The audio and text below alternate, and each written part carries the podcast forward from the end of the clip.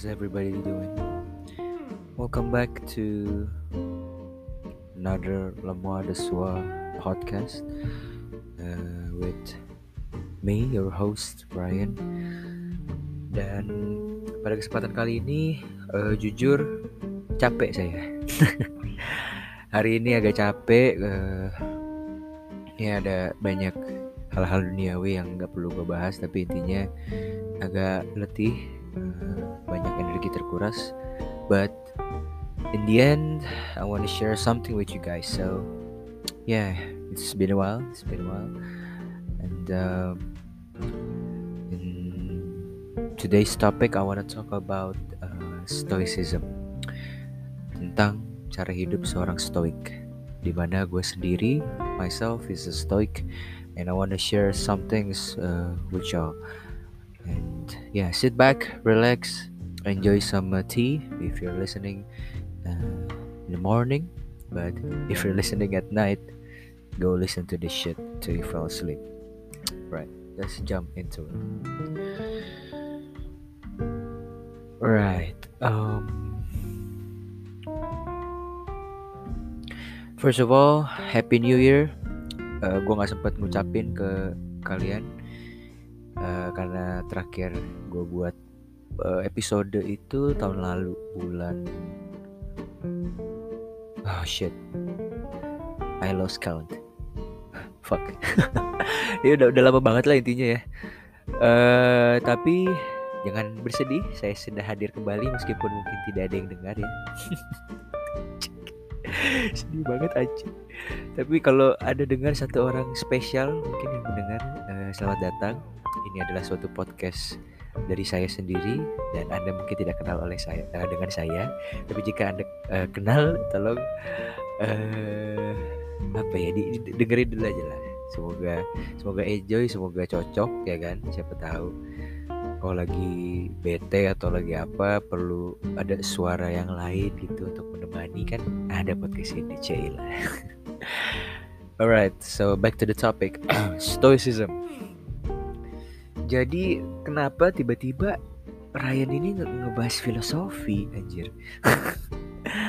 ya sebenarnya gue dari episode-episode sebelum tuh udah pengen bahas cuman gue belum terlalu ngerti karena di episode-episode sebelumnya itu gue baru memulai lah istilahnya ya ke dalam uh, transisi gue ini ke uh, pola hidup sebagai seorang stoik dan tenang stoik ini bukan sebuah ajaran sesat atau religi-religi uh, lain yang tidak dikenal gitu ya atau antek-antek lain gitu uh, atau apa ya ya cult lah istilah cult kultus gitu ya bukan tenang.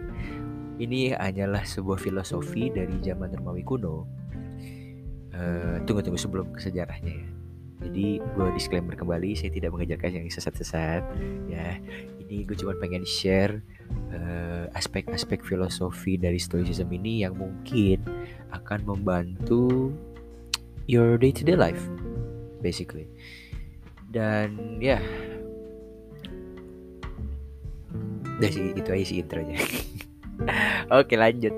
Ya uh, next gue pengen ngebahas hmm, mungkin mulai dari salah satu uh, penyuara istilahnya. Dia ini istilahnya salah satu penemu stoicism di zaman Romawi kuno. Sebenarnya ada ada tiga yang uh, yang gue inget kayaknya cuma dua tapi sebenarnya dia ada tiga yang gue inget nih ya.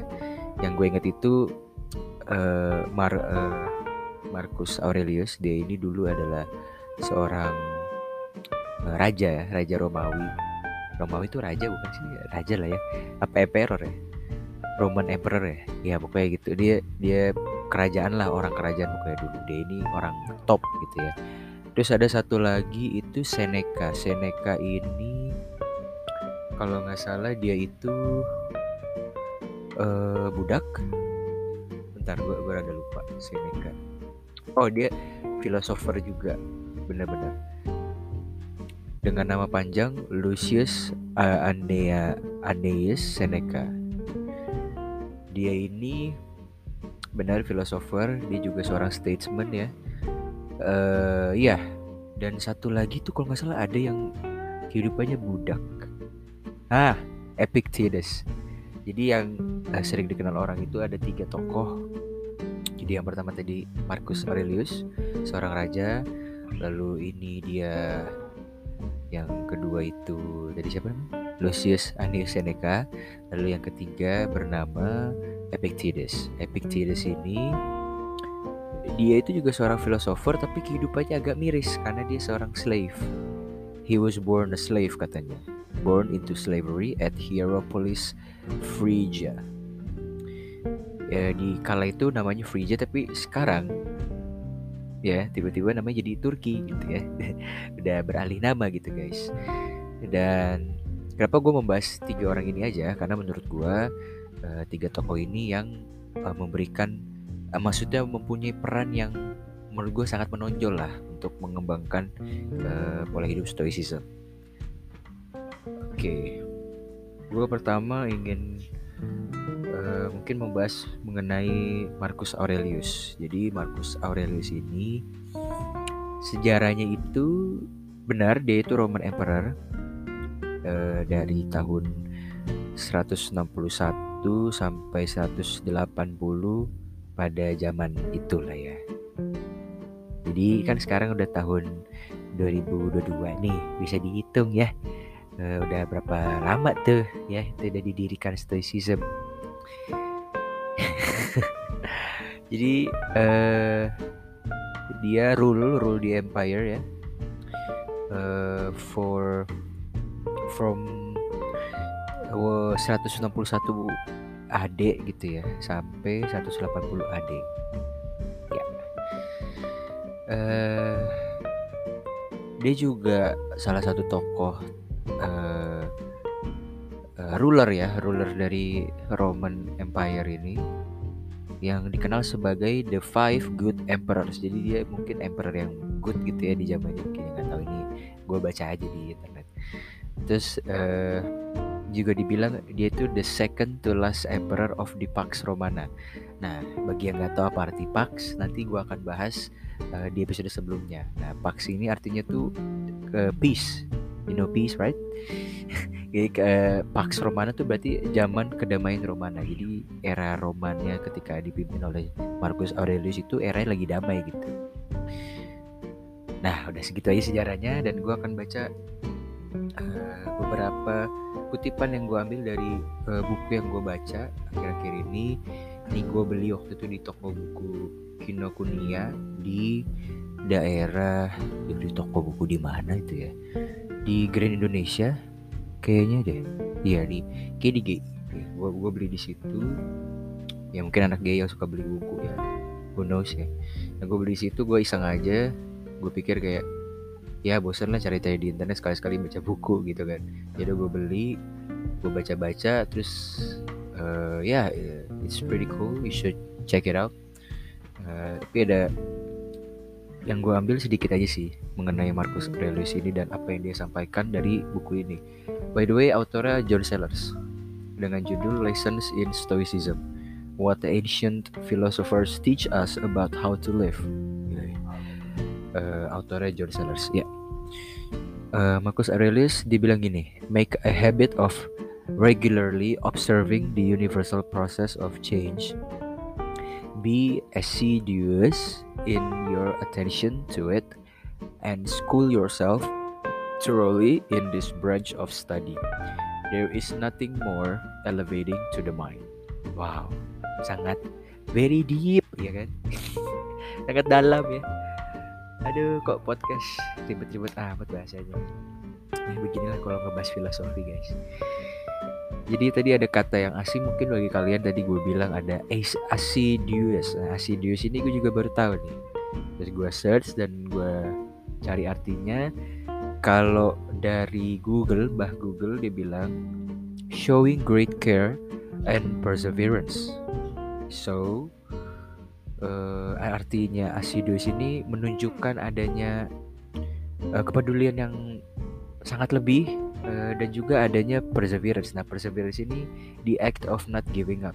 Perseverance itu lu tangguh gitu, nggak uh, nggak cepet nyerah gitu, berjuang terus meskipun ada hambatan itu orang yang perseverance gitu, yang kuat.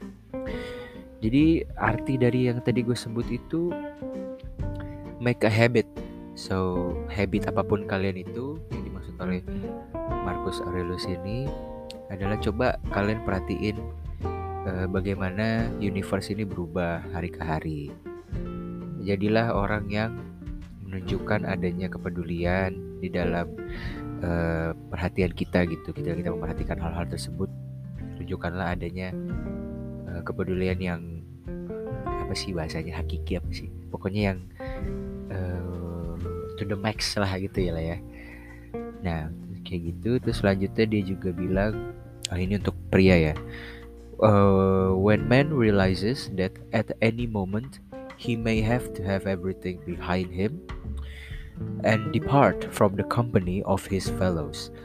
He casts off the body and henceforward dedicates himself wholly to the service of justice in his personal actions and compliance with nature in all else.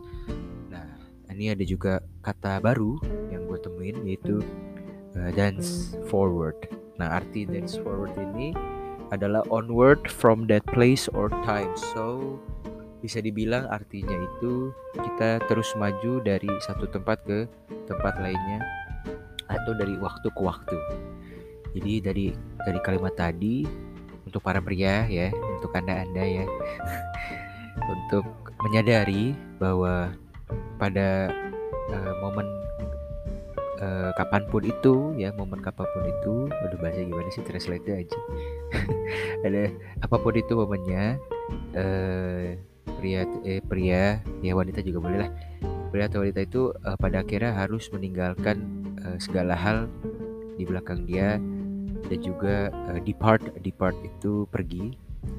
Juga pergi dari company itu uh, kerumunan ya? Ya uh, kerumunan dari office fellows fellows itu kenalan. Di kenalan dia. Lalu dia cast off itu cast cast itu uh, ya sama artinya pergi juga. Ya menghilang apa pergi gitu. Cast off uh, the body tubuhnya tense forward onward itu onward ke maksud tense forward tuh ke untuk uh, mendedikasikan diri dia sendiri secara full gitu ya.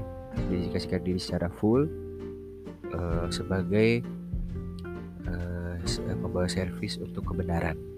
Service for of justice. Di dalam uh, kegiatan personal dia dan juga compliance with nature. Uh, dan juga alamnya. Apa bukan alam aduh bangsa translate jelek banget. Uh, leng apa uh, lingkungannya. Ya uh, that's probably what Marcus Aurelius is telling us. And the last but not least ini yang gue catat penting juga. Uh, gue bacain. No thought is wasted on what others may say. Dengar baik-baik ya. No thought bukan thought thought ini ya thought thought selat bukan. Ini thought pemikiran emang gue agak parah nih pronunciation no thought no thoughts no thought is wasted on what others may say or think of him or practice against him two things alone service him justice in his daily dealings and contentment with all faiths apportionings. Nah, tadi ada kata baru lagi. Tapi gue akan membahas dulu.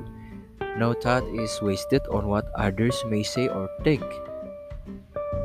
Ingat gue pernah bahas di episode gue yang pertama dari Lago Deswa. Nah ini terbukti kan ada gitu kan di uh, beberapa filosofi dari Stoicism who knows dari Marcus Aurelius bahkan dia bilang no thought is wasted gak ada pemikiran yang terbuang sia-sia untuk memikirkan apa yang orang lain katakan cuy sekali lagi gue bilangin guys and gals stop. Ya udah cukup. Kita ini udah hidup di era sangat-sangat modern di mana orang tuh udah bebas uh, ngomenin hidup satu dengan yang lainnya. Apalagi dari internet komen tuh gampang. Juga ada ya TikTok bla bla bla banyak hal lah gitu kan. Jangan jadi pusing. Gitu udah udah cukup lah hal, -hal kayak gitu ya kan? Fokus on yourself. And then uh, ya tadi seperti yang gue bilang stop wasting what others stop thinking gitu ya. What others may say. And then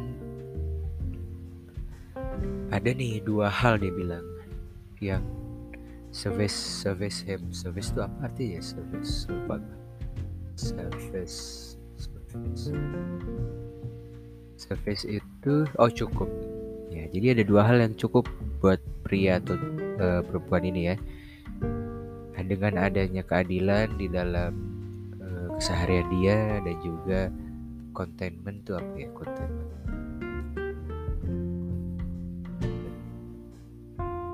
Adanya kepuasan. Nah dalam keseharian dia dan juga kepuasan dalam segala takdir takdir dia sendiri gitu fates apportionings nah apportioning sendiri artinya to divide and share out according to a plan. Nah, coba baca apportionings. Apportionings. Kontribusi. Hmm.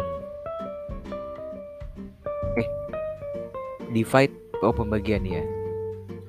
Segala takdir yang dibagi-bagi gitu maksudnya. To divide and share according to plan. Jadi kita harus merasa cukup dengan segala uh, takdir yang udah dibagi gitu jadi tanpa perlu kita musingin orang bilang ini orang bilang itu kita udah cukup uh, merasa ya adanya kepuasan lah setidaknya di dalam takdir yang udah diberikan mungkin dari Tuhan kalau kalian percaya Tuhan atau takdir yang udah kalau kalian enggak it's okay. Di takdir yang udah kalian pilih kalian harus merasa puas gitu. And that's one of the amazing things about stoicism. Bagi gue ya yang gue terapkan gitu dalam keseharian gue jadi kalau thinking back ya ketika di zaman gue masih uh, sulit mengontrol emosi sulit sulit untuk membaca situasi sulit untuk mengerti orang lain tapi sekarang berkat hal-hal ini di dalam stoik ajaran stoik ini gue uh, belajar dan introspeksi diri gue setiap harinya gitu. Dan gue mau nge-share ini kepada kalian semoga dapat membantu juga gitu ya. Dan semoga dapat uh, menemani dikala kalian bingung gitu misalnya. Atau masalah yang kalian pikir tuh ah nggak ada jalan keluar. Padahal sebenarnya itu diri kalian kadang-kadang. Percaya nggak? Tapi nggak sadar aja gitu. Nah itu itu yang gue pengen banget uh, spread spread the news to all of you.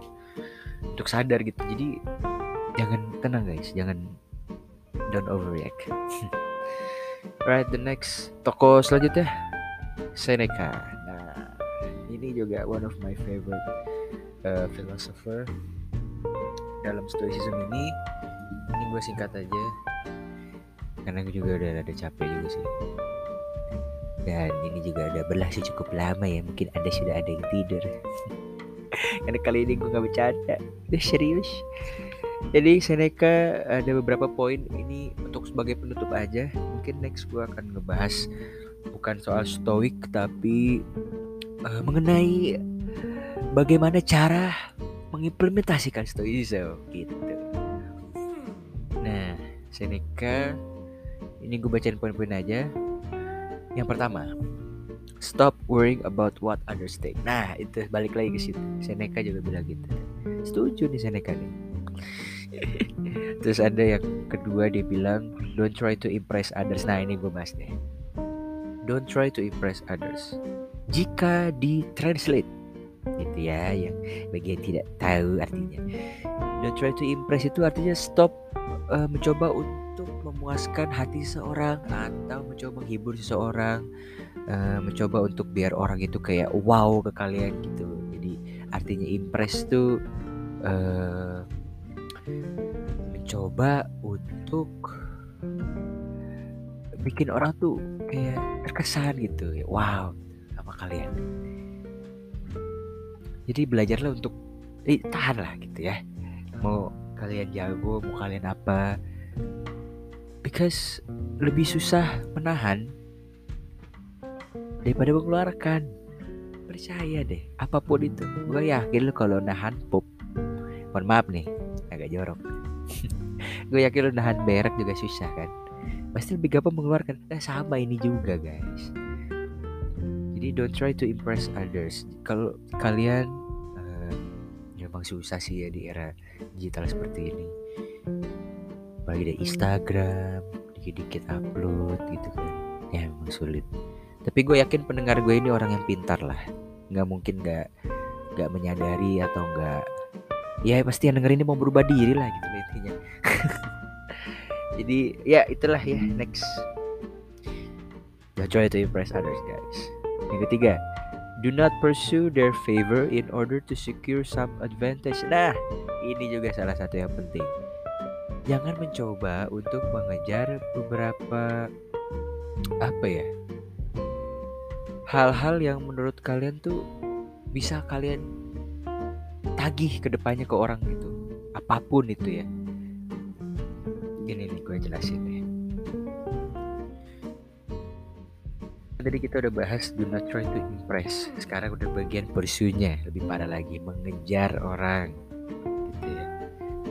Mengejar orang sebagai bagian dari our act of service service gitu ya. Bagian dari kita misalnya ngebantu dia. Uh, misalnya kita minta bantuan terus uh, ujung-ujungnya kita minta imbalan itu. Jangan lah. Udah udah gak zaman kayak gitu. Ya. Udah cukup gitu. Janganlah mengejar apa yang uh, mau lu yang ngebantu mereka kayak atau mereka yang ngebantu lu. Jangan anggap itu lu bisa keep gitu. Terus nanti lu mikir kayak wah ini gue merasa untung jangan lu jangan kejar jangan nunggu dibantu orang gitu ngerti gak sih? Ya juga sebaliknya lu ajarin orang. Kalau misalnya uh, lu ngebantu orang nih terus orang itu dapat advantage terus dapat keuntungan terus dari lu yang ngebantu dia ngebantu dia terus. Ya justru jangan lu juga ingetin dia bro. Oh lu gini sih kayak gitu. Kenapa lu nggak ini gitu? Itu maksud maksud dari salah satu teori itu. Dan lu juga jangan begitu sama dia jangan lu kejar mentang-mentang dia baik gitu ya atau dia istilahnya nice guy nice girl. Lu ambil terus kebaikan dia jadiin keuntungan terus. Janganlah bro. Udahlah insap. Lalu yang keempat hold in our minds the brute fact that we shall die. Nah ini juga. Kalian sudah tahu lah pasti endingnya kita bakal eh gitu. Aduh jadi serak endingnya kita bakal die gitu dan bakal meninggal gitu.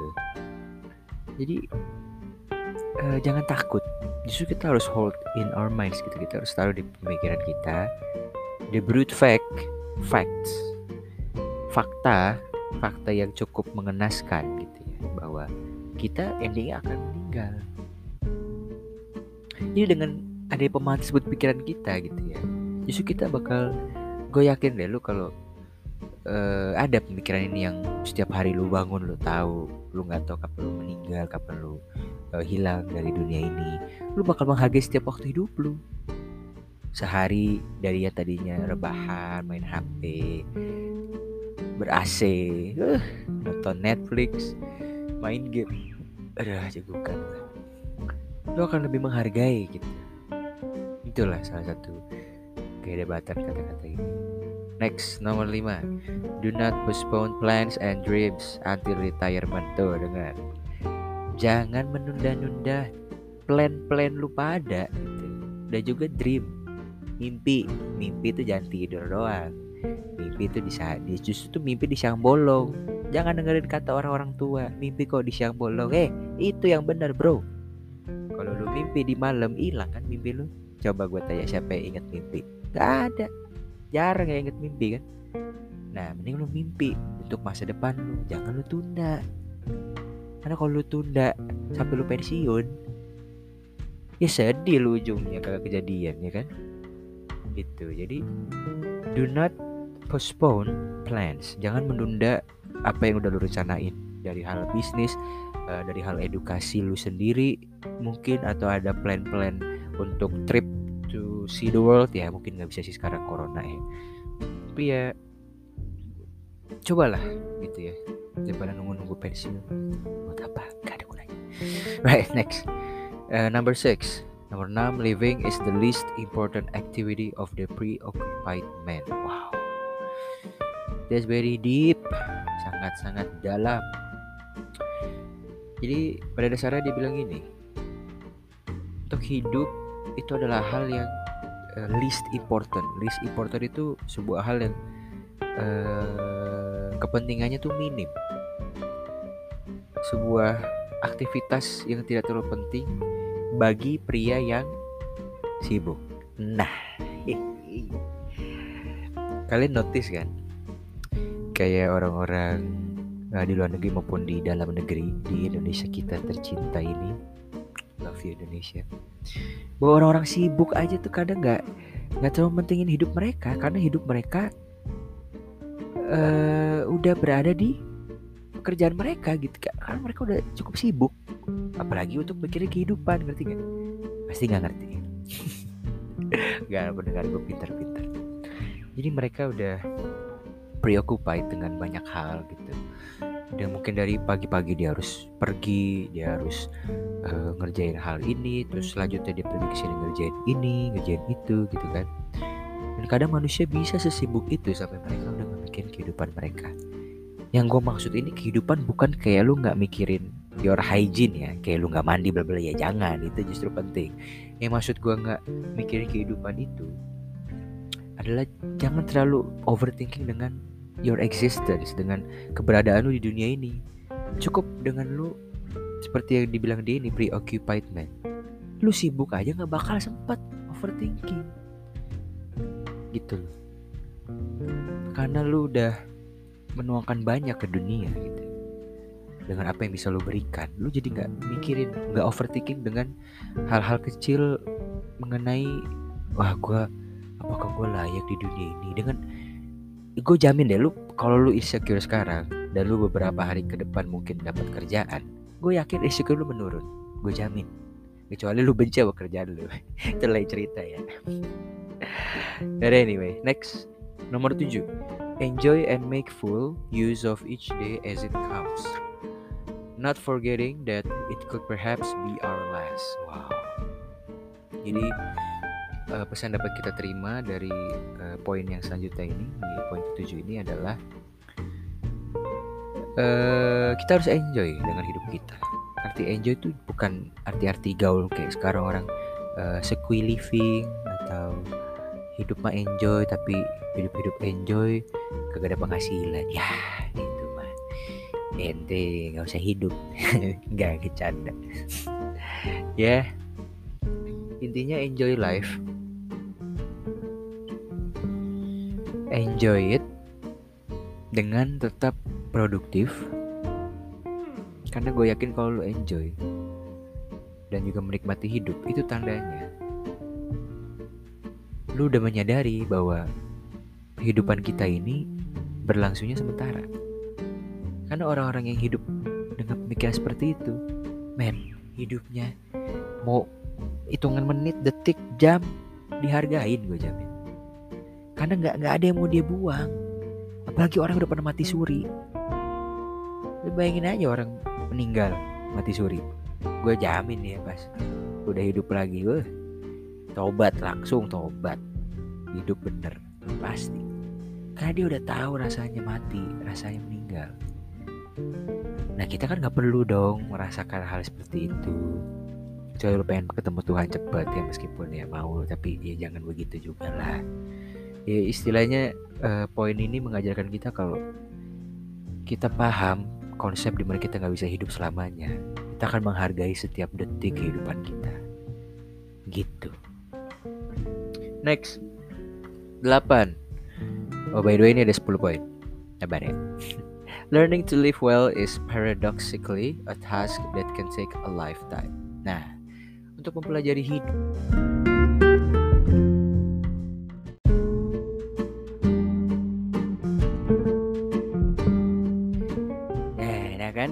kepotong tadi tuh. ya tadi delapan ya. Learning to live well is paradoxically a task that can take a lifetime. Nah ini gue singkat aja nanti Aduh udah aku baru capek gue Aduh tadi tuh udah ngomong banyak banget loh guys Tapi kepotong udah udah gak kuat recordingnya Ya udah gue rangkum aja deh Learning to live well is paradoxically a task that can take a lifetime Jadi untuk mempelajari hidup itu memerlukan waktu seumur hidup. Sesingkat itu tapi maknanya dalam. Bayangin. Itu suatu fenomena paradoks. Kita nggak bisa hidup selamanya ya kan? Tapi kita memerlukan kehidupan seumur hidup untuk mempelajari hidup nah dan selanjutnya poin 9 daripada pusing gave up the pursuit of pleasure money and success in order to focus their attention and learning to live kita harus merelakan uh, pengejaran kita terhadap harta, terhadap kenikmatan duniawi, dan juga kesuksesan kita uh, untuk pertama-tama fokus uh, atensi kita kepada kehidupan untuk mempelajari kehidupan. Ini terkonek dengan poin ke-8 tadi. Dan juga yang terakhir ya poin ke-10. Ini gue percepat aja. Ini udah tadi recording udah capek. Everyone hustles his life along and is troubled by a longing for the future and weariness of the present. But the man who spends all his time on his own needs, who organizes every day as though it were his last, neither longs for nor fears the next day. buat pria-pria yang menghabiskan ya dan perempuan juga tentunya yang menghabiskan hidup mereka mengisi kehidupan mereka sendiri untuk uh, evolve as a person untuk berkembang dan juga menata hidupnya dengan baik. Seperti hari itu juga adalah hari terakhir dia hidup. Dia tidak akan merasa takut untuk menjalani hari esok. Karena dia beraktivitas selayaknya ini adalah hari terakhir dia untuk bernafas. Seperti itu. Itu beberapa poin. Sebenarnya tadi udah udah banyak lah. Tapi kekat sayang banget. Ya udah intinya gitu guys. Uh, dan gue berharap uh, cibuknya di Javu dah. Jadi gue udah record begini aduh sayang banget. Ya pokoknya intinya thank you uh, udah mendengarkan episode yang dan apa yang gue bacain tadi semoga nggak ngebosenin bagi kalian yang udah atur jam tidur mendengarkan podcast ini. Ya sudah tidur saja. Tidak apa-apa. Ya. tapi yang mendengarkan sambil perjalanan gue kasih uh, jempol. Bol kaki saya. Kalian keren. Kalian mau uh, mendengarkan dan juga mau uh, belajar tentang stoicism bersama saya. Dan tentunya uh, membantu podcast ini untuk berkembang. Terima kasih. Dan gue nggak tahu dia dengan apa enggak ya. Tapi ya gue selalu menganggap ini adalah jurnal kehidupan gue sendiri. Nevertheless, thank you for uh, for you guys that's been listening to this episode. Right, and um, see you next time. Peace. Oh ya, yeah. next episode gue bakal bahas manfaatnya yaitu kali ini filosofinya dulu aja. Oke okay, guys. Ciao